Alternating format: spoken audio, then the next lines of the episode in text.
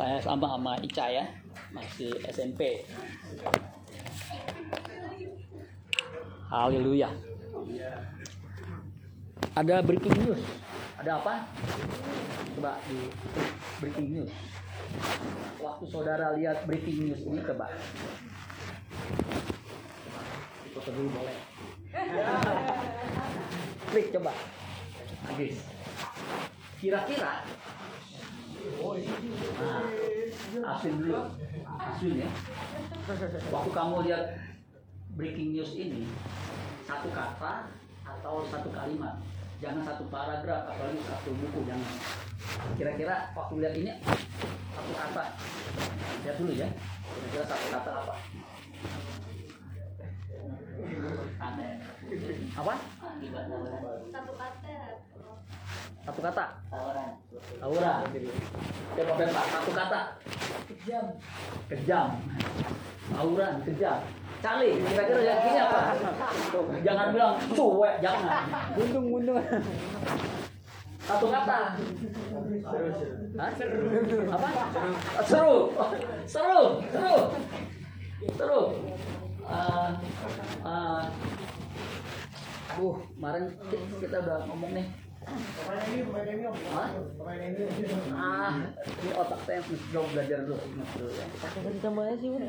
Dia pamannya Pak Cepi. Adiknya Pak Cepi anak ini. Siapa? Owen. Owan, Owan, kira-kira lihat penyesalan penyesalan anak polisi yang tangannya putus akibat tawuran. Maafin aku, mama, ma, masa depan ku hancur. Kira-kira waktu dengar berita ini satu kata apa? Tega. Bagus. Christian, ganteng juga lu ya. Kira-kira Christian ketika dengar baca, lihat itu kira-kira satu kata apa? Misal Nyesel. Bagus. dipegang buntung, enggak? Nyesel nih. Ya.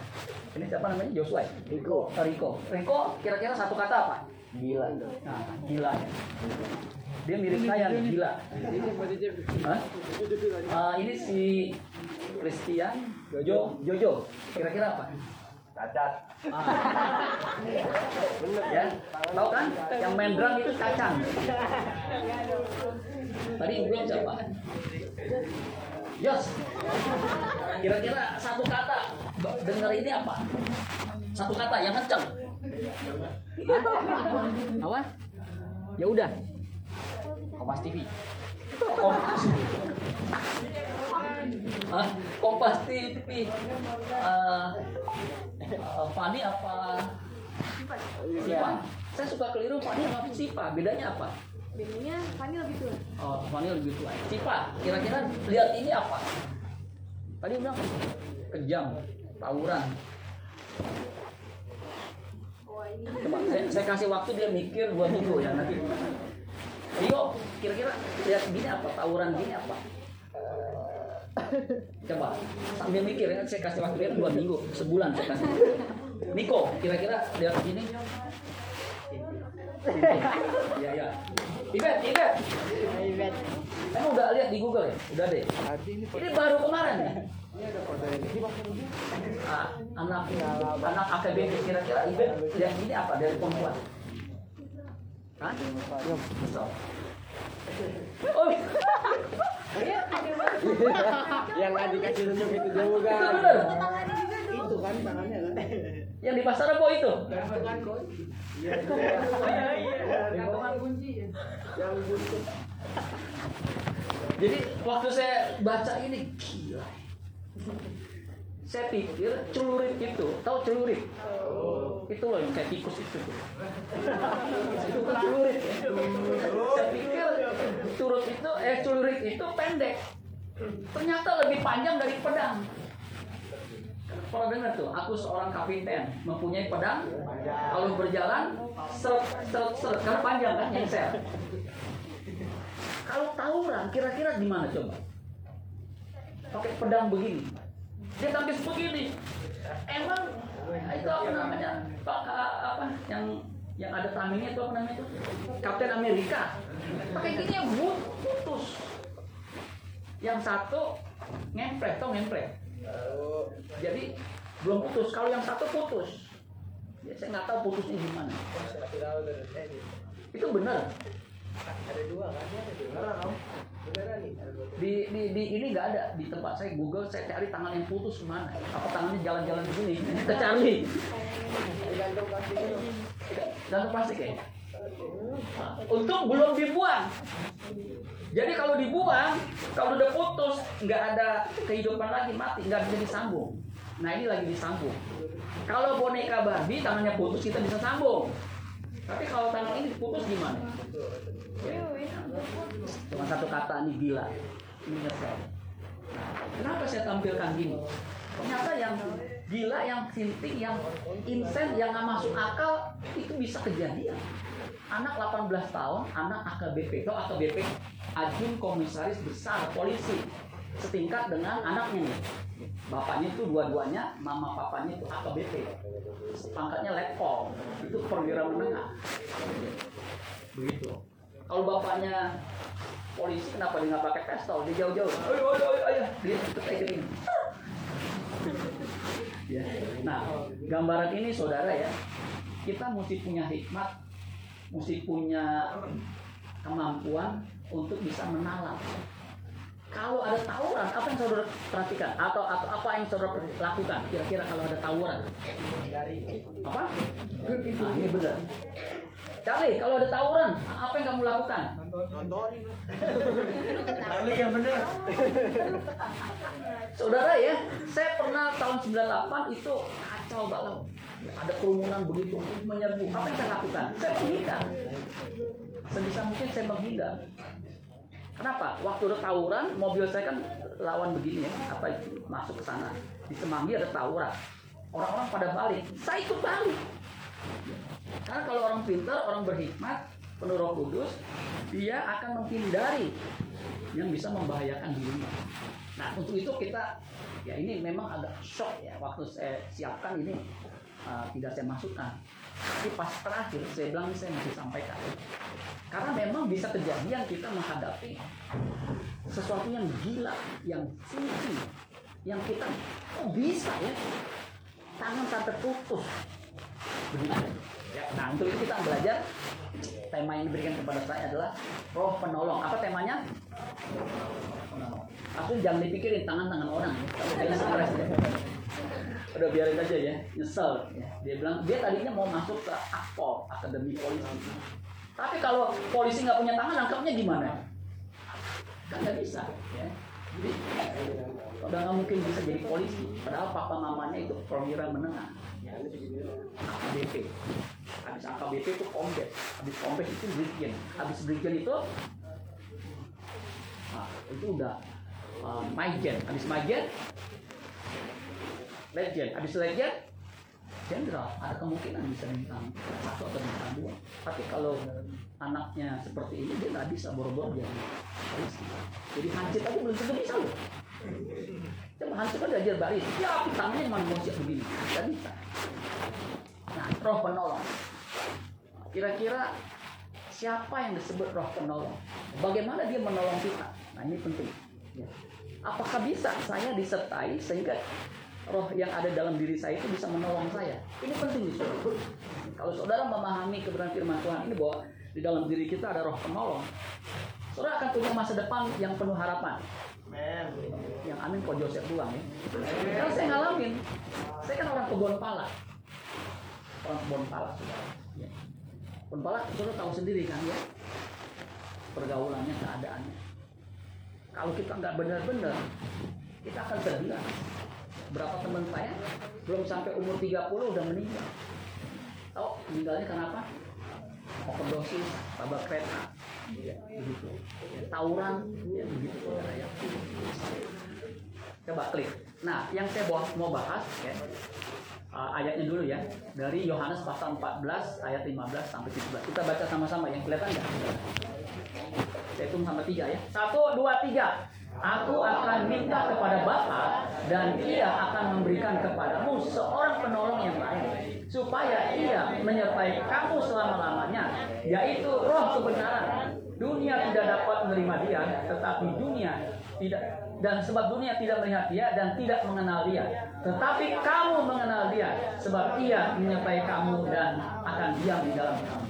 Saudara perhatikan, aku Yesus ngomong akan minta kepada Bapa, dia akan memberikan kepadamu seorang penolong yang lain. Yesus memang penolong pada waktu itu, ya, dia uh, menolong murid-muridnya, menolong orang yang kelaparan, sakit, yang kusta, ya, yang menderita. Ya. Nah Yesus bilang akan berarti belum meminta kepada Bapa ya, dan ia akan memberikan kepadamu seorang penolong yang lain. Ya, selain Yesus, dia akan nanti ada penolong yang lain supaya ia menyertai kamu selama lamanya. Itu benar. Kira-kira menyertai selama lamanya gimana? Kira-kira gimana? Saya punya HP, ini udah empat tahun waktu saya beli ya. Ke mana aja saya pergi, ini menyertai saya. Ca- Caranya gimana? Nah, ada di sini. Kadang-kadang di kantong sini, kadang-kadang di kantong ini, kadang-kadang saya pegang. Nah, ini juga dikatakan ia menyertai kamu dan akan diam di dalam kamu. Jadi roh penolong yang akan minta kepada Bapa, kalau Yesus minta kepada Bapa akan diam. Kira-kira di, diamnya di mana? Kalau ini kan di kantong saya. Kira-kira roh penolong, roh kudus, roh kebenaran diamnya di mana? Hah? Di hati, di level sini. Hah? Di mana ah, Daniel? Ah, di hati, pokoknya di hati ya. Secara medis, secara klinis, saya saintis, kita nggak bisa jelaskan di mana roh itu ada dalam diri kita. Tetapi yang pasti ada di dalam diri kita. Karena kita ini adalah tubuh, tubuh kita ini baik roh, roh kudus di mana roh kudus itu di diam. Nah, kita bisa merasakan dia ada dalam diri kita. Itu kayak ini sesuatu yang ada dalam diri kita, ada dalam diri saya. Tahunya dari mana? Ada. Ada bobotnya betul nggak? Ada bu bunyinya, ada tuh. Baterainya agak kurang tuh. Ketahuan? Hebat nggak? Dia bilang baterai gua pemuncak dong. Kita bisa berasa. Memang roh kudus itu roh. Roh itu bisa dilihat nggak dia seperti ang angin. Ada yang bisa melihat angin? Apa warnanya? Merah. Kalau dikerokin masuk angin tuh. Nggak bisa kita tahu tapi kita bisa berasa. Angin dalam diri kita kita bisa berasa. Makanya disebut masuk. Bahkan angin itu bisa keluar tanpa permisi. Tapi hadiratnya bisa kita rasakan. Siapa nih? Siapa nih yang buang angin. Betul nggak? Nah, sama. Roh itu kita nggak bisa lihat tapi dia nyata. Angin nyata nggak? Angin nyata nggak? Nyata. Misalnya. Itu ada keluar tuh. Saya nggak makan jengkol ya aku jangan bilang makan jengkol ini bapak nih.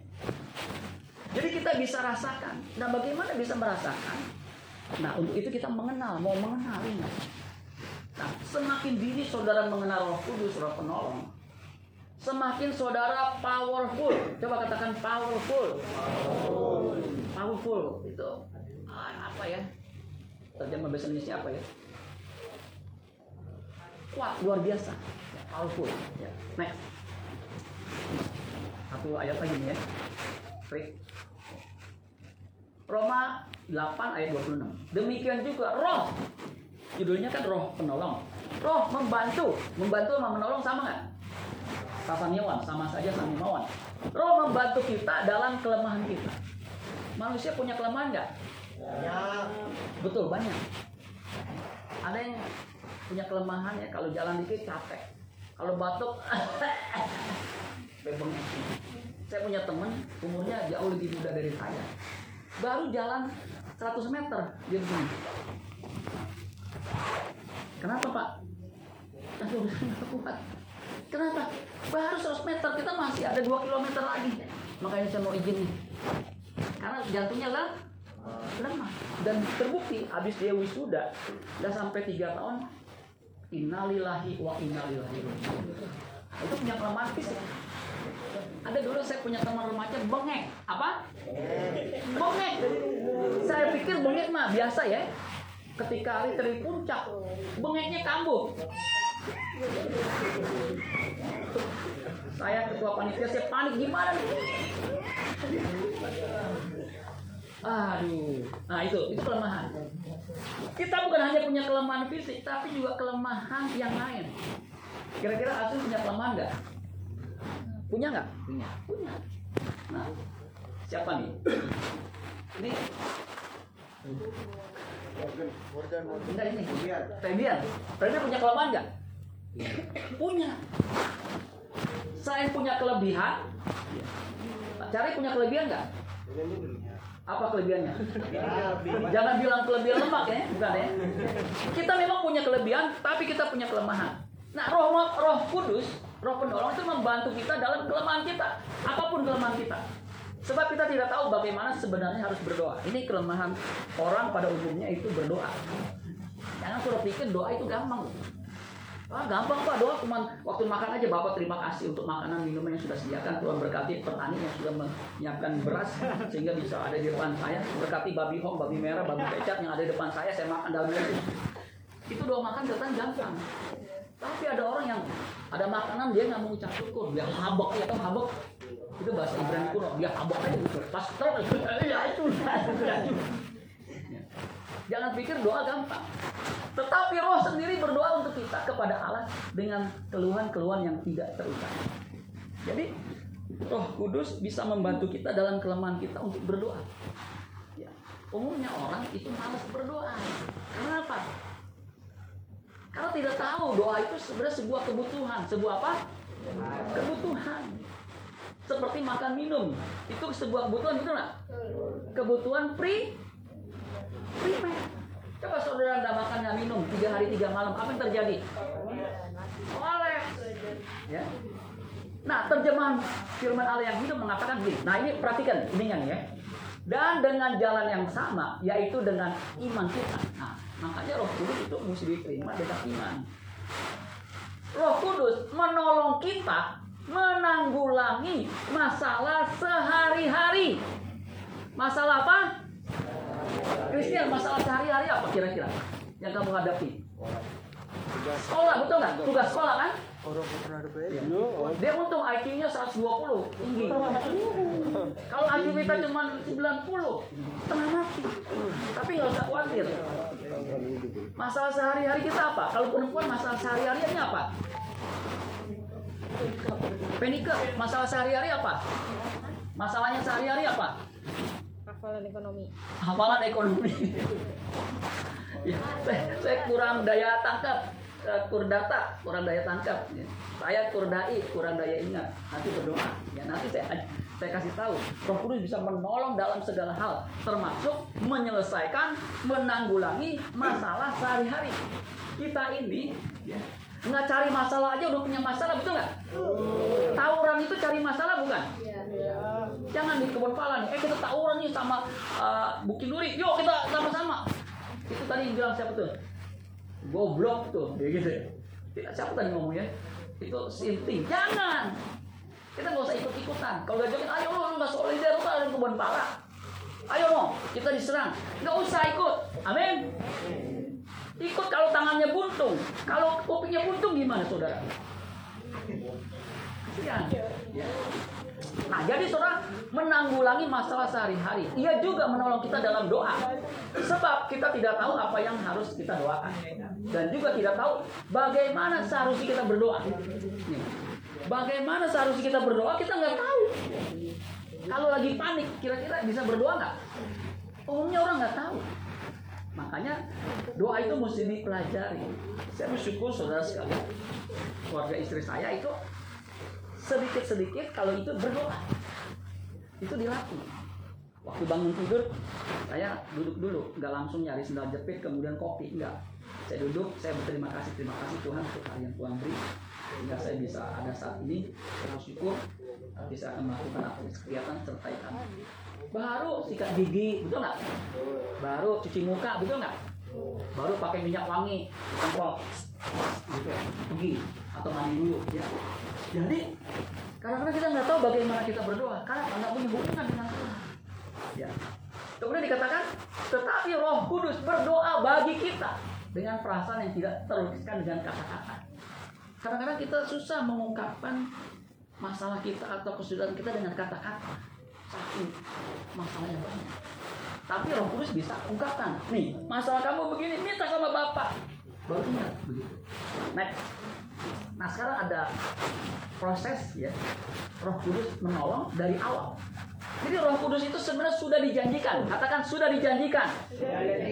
Sejak perjanjian lama itu sudah dijanjikan akan diberikan kepada orang percaya. Nah, ini kita mesti paham. Dia ada menyertai kita, menolong kita. Jadi dia ada bukan hanya diam aja, tapi menolong kita. Nah, bagaimana cara menolongnya? Dia memimpin kepada kebenaran. Bukan hanya satu kebenaran, tapi semua, seluruh kebenaran. Hidup kita ini kalau nggak ada kebenaran, benar nggak saudara? Benar nggak? Nggak benar. Makanya kita butuh kebenaran. Dan roh kudus itu akan menolong kita, memimpin kita kepada seluruh kebenaran. Nanti kita akan lihat. Dan mengajar. Ya. Nah ini mengajar bukan hanya guru kita dengerin atau pendeta atau kakak pembina ketika dia bicara. Tetapi roh kudus bisa mengajar kita. Saya ngalamin saudara. Saya suka belajar, tapi ada sesuatu yang saya nggak tahu, saya belum pelajari. Tetapi roh kudus bisa ngajarin. Hebat nggak saudara? Caranya gimana? Nanti saya jelaskan. Ya. Nah, ujung-ujungnya Roh Kudus menyertai kita, menolong kita supaya kita menjadi seperti Yesus, seperti Kristus. Coba katakan seperti Kristus. Jadi ujung-ujungnya Roh Kudus itu menolong kita, menyertai kita supaya kita bisa seperti Kristus. Di mana Bapak berkata, "Inilah anakku yang kukasihi, kepadanya lah aku kepadanya lah aku berkenan." Jadi supaya hidup kita ini berkenan. Kalau hidup kita berkenan, saudara percaya. Misalnya nih ya, punya anak yang nemenin kita. Jadi ayahnya senang apa nih anak? Kira-kira kalau anaknya minta apa-apa dikasih nggak? Dikasih kan amat nih rajin, nilainya bagus. Kemudian pak HP aku nih iPhone 15 udah nggak ini nih, aku minta ganti. Nggak usah babu lagi, ayah bilang beli nak sekarang nih, kasih duit nih 20 juta. Kenapa? Anak baik, betul nggak saudara? Tuh. Jadi kalau berkenan, saudara hidup saudara berkenan, saudara akan disertai Tuhan, Tuhan akan membela kita, amin. Ya. Nah, next, next, sudah dijanjikan nggak? Saya akan jelaskan singkat aja. Yesus pernah ngomong begini, klik. Aku akan mengirim kepadamu apa yang dijanjikan Bapakku. Jadi Bapak, Allah Bapak sudah menjanjikan. Tetapi kamu harus tinggal di dalam kota ini sampai aku sampai kamu diperlengkapi dengan kekuasaan dari tempat ini. Jadi konteksnya begini. Ketika Yesus mati kemudian bangkit menampakkan diri berapa hari? 40 hari ya. Kemudian Yesus menjanjikan akan mengirim Roh Kudus. Nah, ketika uh, Yesus naik, dia bilang, "Kamu jangan tinggalkan Yerusalem. Kumpul di satu tempat di loteng atas di Yerusalem. Nanti Roh Kudus akan dicurahkan." Dan betul, Roh Kudus yang sudah dijanjikan itu pada hari Pentakosta dicurahkan. Sehingga ada 120 murid yang kumpul di loteng atas itu penuh dengan roh Roh Kudus. Semua bisa berbahasa roh bangsa-bangsa lain yang bisa dimengerti oleh orang-orang yang ada di situ. Ya, ada bangsa yang berkumpul karena waktu itu ada acara perayaan bisa ngerti. Ini bukan orang uh, Arab kok bisa ngomong bahasa Arab. Ini bu bukan orang Mesopotamia kok bisa ngomong Mesopotamia. Kayak saya, saya kan bukan orang Jepang, tapi saya bisa ngomong Jepang. Itu Roh Kudus yang me, apa, menginspirasikan. Kalau bahasa Inggris saya bisa. Kalau saya belajar, kalau saya dipenuhi Roh Kudus ini buktinya apa? Saya bisa bahasa Inggris. Can you speak English? Yes. Saya tahu jalan batu tulis. Wah, wah saya pasti kuat. itu itu bahasa Inggris tukang beca ya. Ditanya uh, boleh nanya tukang beca, you can speak English? Tukang beca jawab, ya saya tahu jalan batu tulis dekat. Wah, dia masih kuat 20 tahun jadi tukang beca. Masa gejol apa ke situ aja nggak kuat? How much? How much tapi apa? Berapa banyak? Berapa harganya? How much? Tuhan tahu nama saya Ahmad. Ya, you are crazy. Bener saya Ahmad dari Bekasi. Wah, kacau saudara. Nah, jadi janjikan. Next. Nah, ini saudara ya, uh, apa bukti Alkitab itu luar biasa. Perjanjian lama membuktikan bahwa Roh Kudus itu digantikan. Karena Nabi Yoel mengatakan ini. Yoel itu bukannya adiknya sendiri. Jadi Pak ya. Kemudian pada kemudian daripada itu akan terjadi bahwa aku Yoel 2 ayat 28 akan mencurahkan rohku ke atas apa? Semua manusia. Yang manusia katakan amin. Amin. Wah, ada yang baik nih. semua manusia. Ini semua manusia semua kan? Tuhan berjanji akan dicurahkan tuh. Yesaya 44 ayat 33 ayat 3 Ini sama, ini Nabi juga Aku akan mencurahkan rohku ke atas keturunanmu Dan berkatku ke atas anak cucumu Jadi roh kudus dicurahkan Diam dalam diri kita Itu ada yang menyertai berkat Amin Berkat bukan soal makan, soal minum, soal pakaian Tapi berkat itu bisa hal-hal yang lain ya. Yeskiel Jadi bukan hanya Yoel, bukan hanya Yesaya, Yeskiel Aku tidak lagi menyembunyikan wajahku terhadap mereka kalau aku mencurahkan rohku ke atas kaum Israel, demikianlah firman Tuhan atau firman Allah. Jadi roh kudus di, yang dijanjikan oleh Allah Bapa itu sudah dikatakan sama nabi-nabi. Makanya di kisah 2 ayat 38, itu ketika hari Pentakosta setelah dicurahkan, bagaimana kita bisa mengalami atau menerima karunia roh kudus. Karunia roh kudus artinya roh kudus dicurahkan, itu kita bisa mengalami penyertaan Ya. Kan kalau kita baca kisah 2 ayat 1 sampai 4 itu ketika mereka kumpul di loteng atas berdoa, tiba-tiba Roh Kudus turun dalam bentuk apa? Lidah-lidah api atas para murid 120. Nah, itu pencurahan Roh Kudus yang disebut hari Penta Pentakosta. Nah, kisah 2 ayat 38 jadi Petrus ini khotbah di mana disertai oleh murid-murid yang lain. Ada berapa rasul, saudara? Ada berapa rasul? 12. Yudas kan gantung diri di Pontoge. Iya, diganti sama Matias. Jadi lengkap lagi 12. Apa salah satu khotbah Petrus? Jawab Petrus kepada mereka. Ini, ini khotbahnya perhatikan. Cara bagaimana kita bisa menerima, mengalami penyertaan Roh Kudus. Bertobatlah dan hendaklah kamu masing-masing memberi dirimu di dibaptis dalam nama Yesus Kristus untuk pengampunan dosamu yang sudah dibaptis ya. Rio udah, Afin udah, Brian udah, Diva udah, Owen belum ya? Belum. Kali udah ya? Udah ya di kolam surah ya. Christian belum ya? Christian udah. Oh iya Christian udah, barang Afin ya. Cuma iyo kan? Oh iya, iyo ya. Yang belum siapa? Kepa udah pasti ya.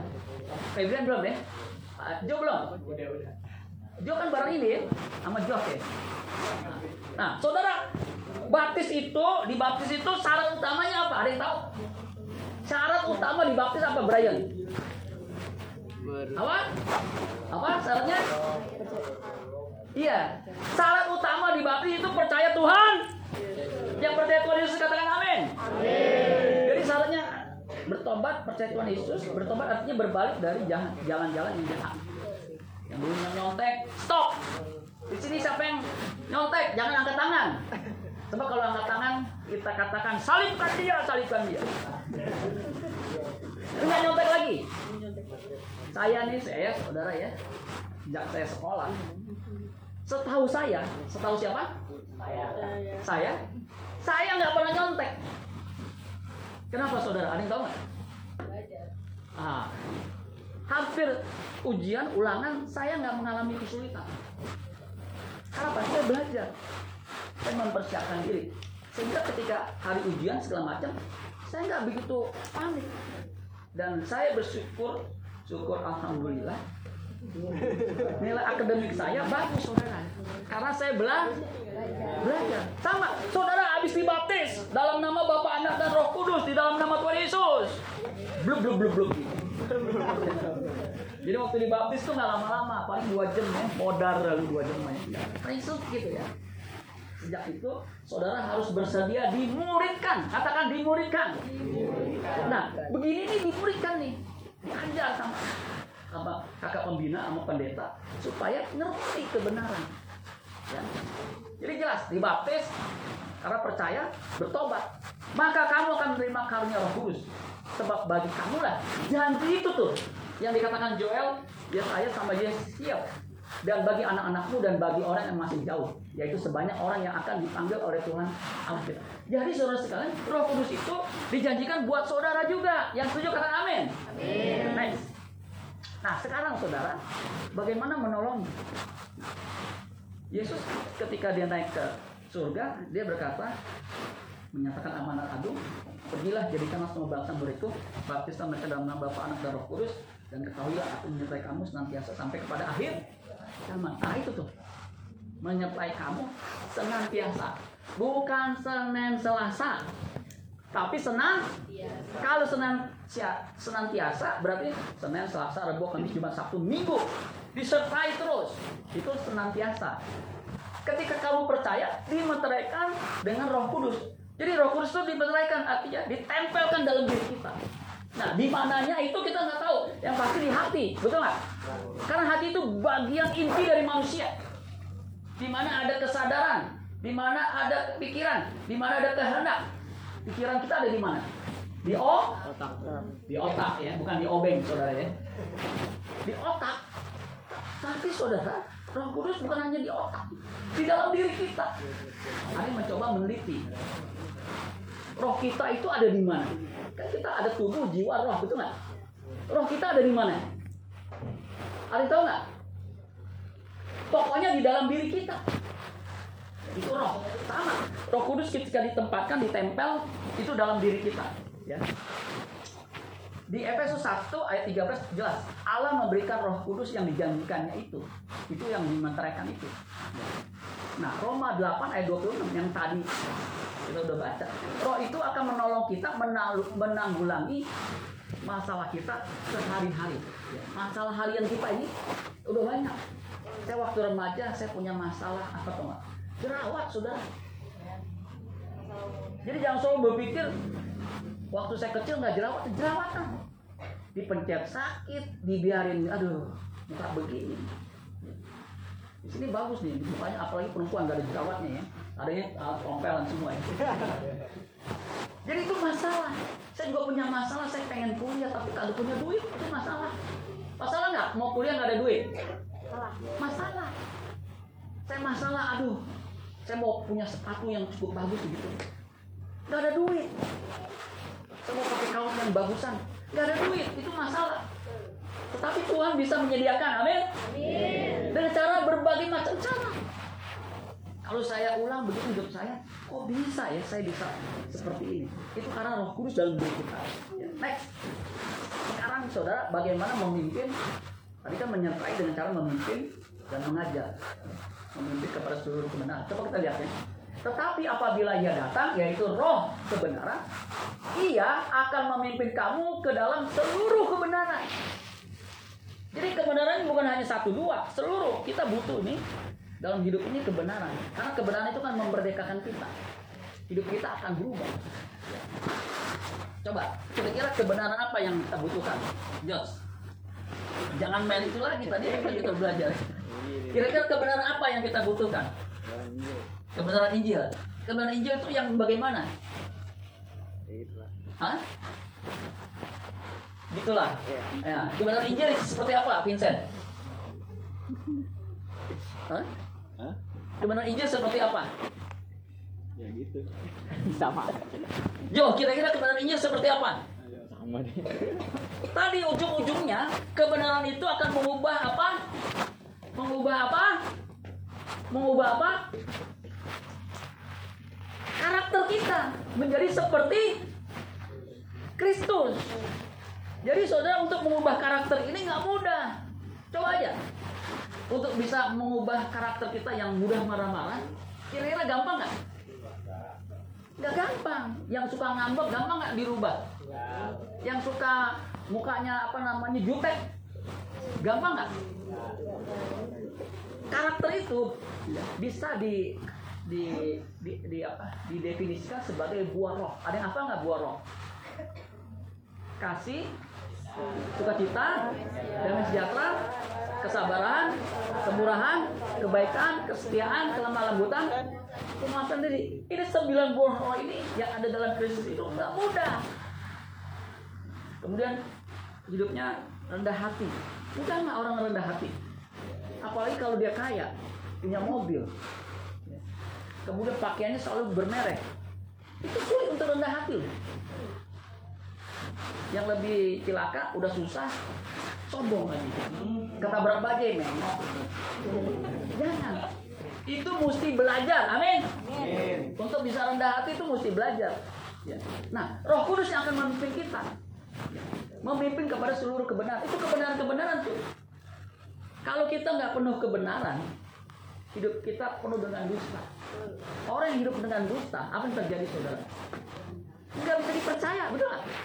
Dikit-dikit bohong, dikit-dikit bohong. Bohong dikit-dikit, yang banyak. Dia di penjara sekalian. Jadi kita akan dituntun kepada seluruh kebenaran. Sehingga hidup kita bukan hanya benar secara status, tapi benar-benar. Karakternya benar. Saudara kalau dari kecil, ini benar nih orang. Saudara nggak usah takut kekurangan uang. Tidak usah takut nggak dapat duit. Akan dipercaya. Amin. Ya.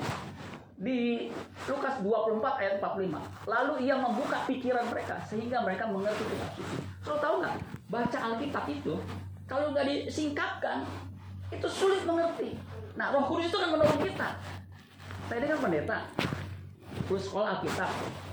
Masih ada hal-hal yang saya nggak pahami yang sudah saya, saya baca. Saya udah baca Alkitab dari kejadian sampai Wahyu. Di sini siapa yang baca Alkitab dari kejadian sampai Wahyu nih? Wahyuni atau Wahyudi? Belum ada ya? Suruh baca.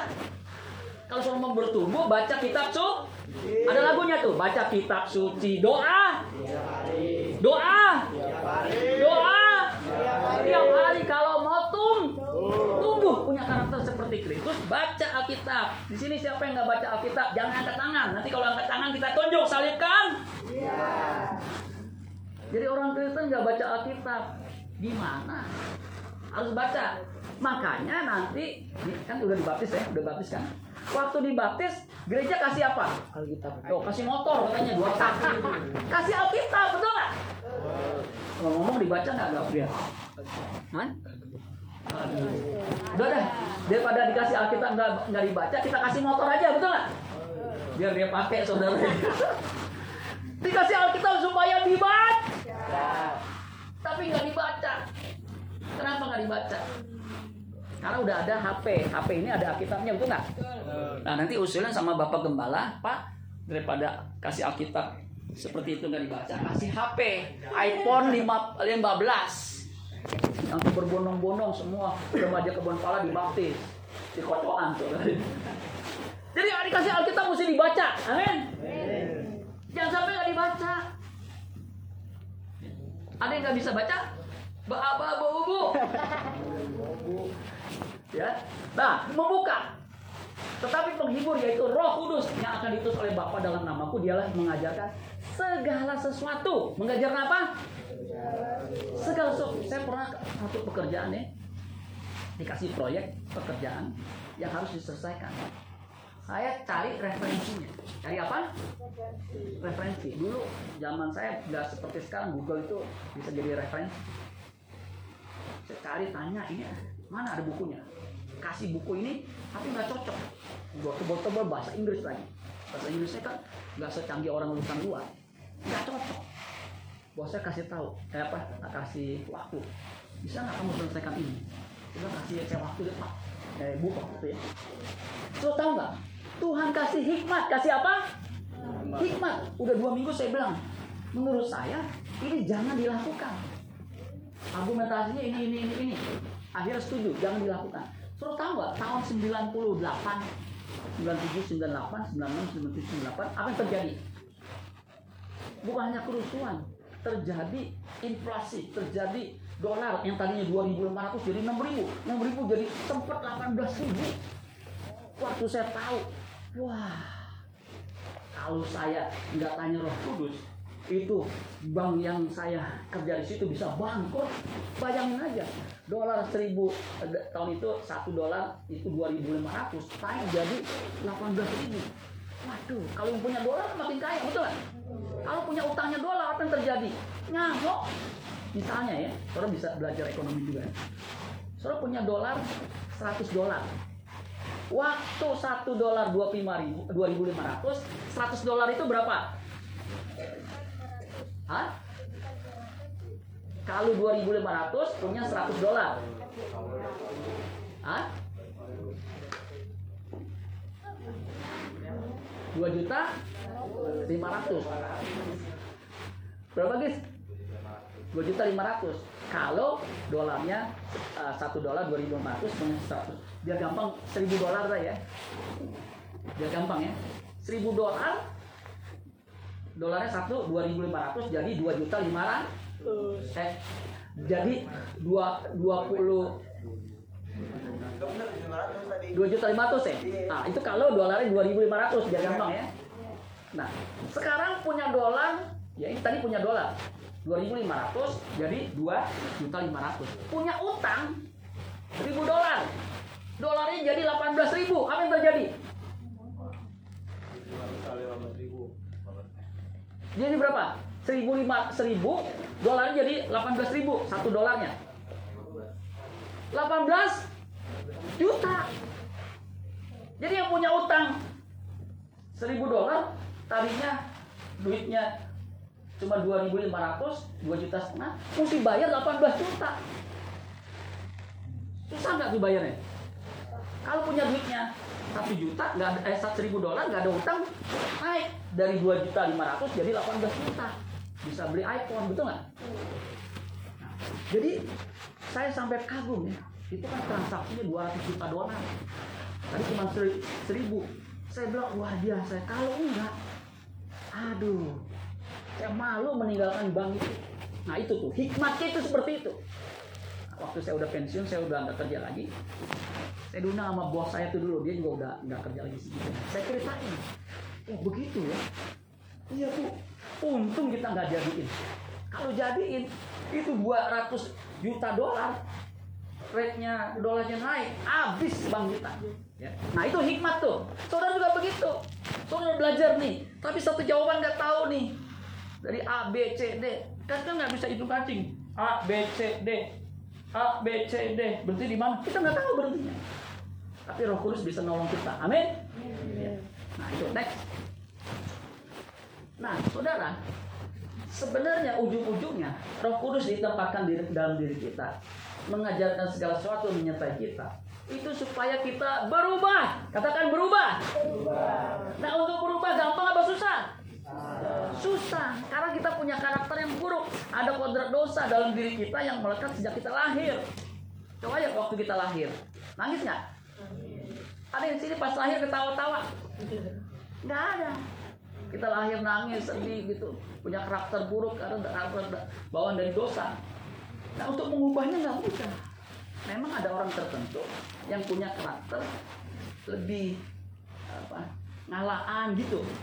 Tapi pada umumnya buruk, susah dibilangin, bengal, maunya memberontak, betul nggak? Kalau di sini nggak ada ya, baik semua ya. Remaja sono no, di ujung kulon, sana, di kebun pala belakang itu tanah rendah ya. Yang ngumpulnya nanti di sini, saudara ya.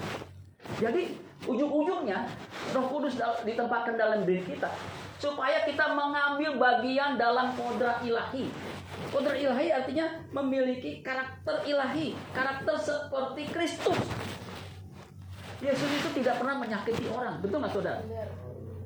Kalau kita kan kadang-kadang masih kecil aja suka nyegang orang tuanya. Siapa suka nyegang orang tuanya? Misal dipanggil, Rio, apa sih? Manggil-manggil mulut, baru panggil sekali. Kalau Rio mah enggak ya. Tolong beliin mama kecap. Kecap buat apa sih? Ada anak yang ketika Rio, tolong beliin kecap. Di mana mama? ya terserah Rio. Nih kasih uang ceban. Di kuecu ya, di kuecu. Pas balikin, nih mah. Loh, ada kecapnya kok uangnya utuh ceban. Dikasih sama kok kuecu. Nah, ada nggak kue kuecu baik gitu? Ada nggak? Nggak ada ya, saudara ya. Nih anak kayak begini enak nih. Rio, tolong beliin tempe, tahu, kerupuk, kecap, kangkung sana. Dia langsung beliin ke Gang Ambon. Tahu Gang Ambon kan? Ini banyak orang-orang Ambon, saudara ya. Belanjain. Nah, harus belajar begitu, amin. Habis bangun tidur, beresin tempat tidur. Di sini siapa yang bangun tidur nggak beresin tempat tidur? Jangan angkat tangan. Kalau angkat tangan salibkan dia. Beresin. Amin. Saya ke bawah sampai sekarang kalau bangun tidur tuh saya selalu beresin tempat tidur. Jangan habis bangun tidur bodoh amat ada ada ini ada emak gua jangan. Uh, saya lupa siapa presiden Amerika bilang begini ketika ditanya Mr. Presiden apa yang harus saya lakukan supaya saya bisa mengubah dunia. Wah pertanyaan kan hebat tuh dari anak muda kan? Apa yang saya lakukan supaya saya bisa mengubah dunia? Jawaban presiden ini nanti suruh lihat tuh. Uh, dicari di Google ya. saya lupa namanya Roosevelt atau siapa ya atau presiden siapa ya. Dia bilang begini kalau kamu mau mengubah dunia ketika kamu ketika kamu bangun tidur bereskan tempat tidurmu dulu.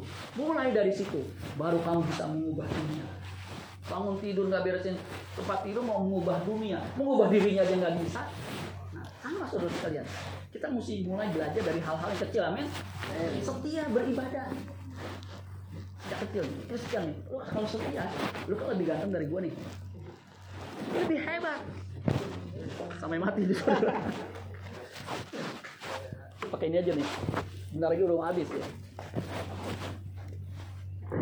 Nah, jadi saudara, kalau kita mau, mau mengubah dunia, mengubah lingkungan kita, mulai dari berubah diri diri sendiri.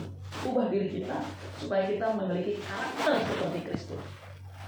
Gimana Pak karakter seperti Kristus? Saya kan orang Ambon, saya kan orang Batak. Orang Batak yang ngomongnya keras. Udah, udah selalu tahu yang paling jelas. Bagaimana Pak? Nanti Tuhan Roh Kudus kasih tahu, betul nggak? Bagaimana bisa berkata lembut? Nggak merubul, nggak mau menang sendiri. Nanti Tuhan aku yang wanita, bagaimana bisa mematutkan diri? Bagaimana bisa dandan supaya tidak menyolok, tidak norak? Ya, pakai bibir mungkin ya. Pakai bibir mungkin nggak sampai kan biasa kalau wanita dandan dandan tau ya pakai bibir ini kan ya kemudian gini gitu saudara betul nggak? Karena saya lihat istri saya istri saya jarang dandan karena dia udah udah cantik dari lahirnya saudara maka istri saya tuh uh, uh, nggak nggak mau belajar nyetir dia kan nggak bisa nyetir. Kalau dia bisa nyetir ditangkap terus. Lagi nyetir ditangkap. Gitu. ibu tahu kesalahan ibu?